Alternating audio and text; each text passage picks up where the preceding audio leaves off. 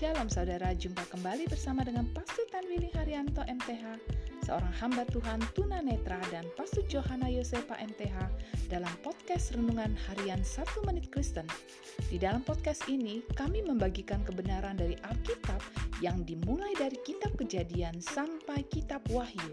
Selamat menikmati.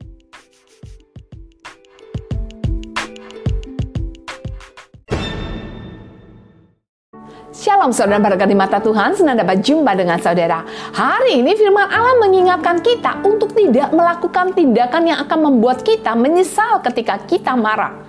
Ketika mereka tiba di dekat perkemahan, Musa melihat patung anak lembu itu dan orang-orang yang menari-nari di sekitarnya. Ia menjadi sangat marah, lalu menghempaskan lolo batu yang ada di tangannya itu ke tanah di kaki gunung sampai pecah. Dengan melihat pemandangan nyata dari penyembahan berhala dan pesta pora yang dilakukan dengan terang-terangan oleh bangsanya, maka Musa menghempaskan lolo batu yang ada di tangannya itu ke tanah di kaki gunung sampai pecah. Saudaraku, kemarahan yang benar ada tempatnya. Betapapun marahnya Musa, Allah masih lebih marah.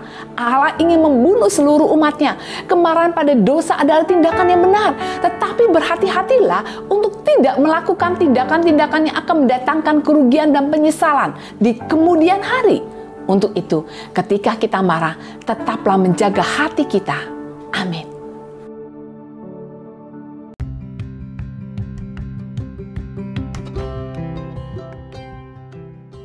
Terima kasih saudara telah mengikuti podcast Renungan Harian 1 Menit Kristen.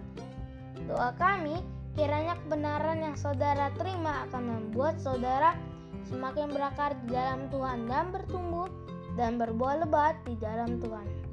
Tuhan Yesus memberkati.